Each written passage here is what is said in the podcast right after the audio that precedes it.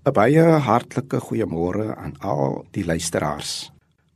Ek wys ver oggend vir u daarop dat die apostel Paulus 'n baie mooi gebed doen in die brief aan Efese wat gegrond is op liefde. Ek wil in u dit so voorhou.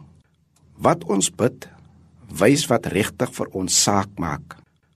As volgelinge van Christus is ons gewoonlik dringend en ernstig wanneer ons bid, want ons bid oor wat werklik en regtig vir ons moet saak maak.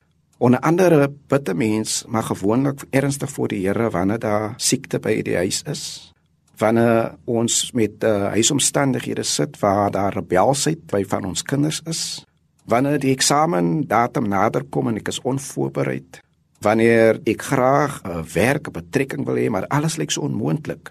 Ons bid wanneer ons voel die swakheid oorval ons en ons kry nie die oorwinning nie. Ons bid oor issues wat eenvoudig inmeng in ons vrede en die liefde. Wanneer die kar breek, wanneer die deur stikkend is, en wanneer die geld op is, en wanneer sonde kwel aan ons geestelike lewe, dan wend ons ons tot ernstige gebed. Nou wat is dit wat Paulus hier in Efese vir die gelowiges bid en ons is ingesluit? In eerste plek sê Here, ek bid dat U hulle krag sal gee om innerlik sterk te word, betekenende dat gelowiges in staat sal wees om teen elke versoeking weerstand te kan bied om so staande te bly. Tweedens, dat gelowiges stamina sal hê om nie in hulle moeilike omstandighede van die Here afvallig te raak nie. Maar hy bid ook dat almal van ons Christus deur geloof in ons harte 'n woonplek sal gee.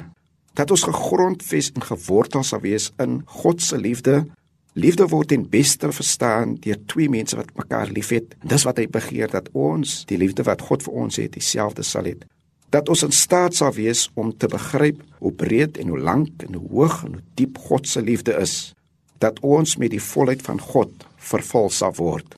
Die gevolg dan sal ons kan begryp hoe ver strek God se liefde. En dit moet ons help om dan ander so lief te hê.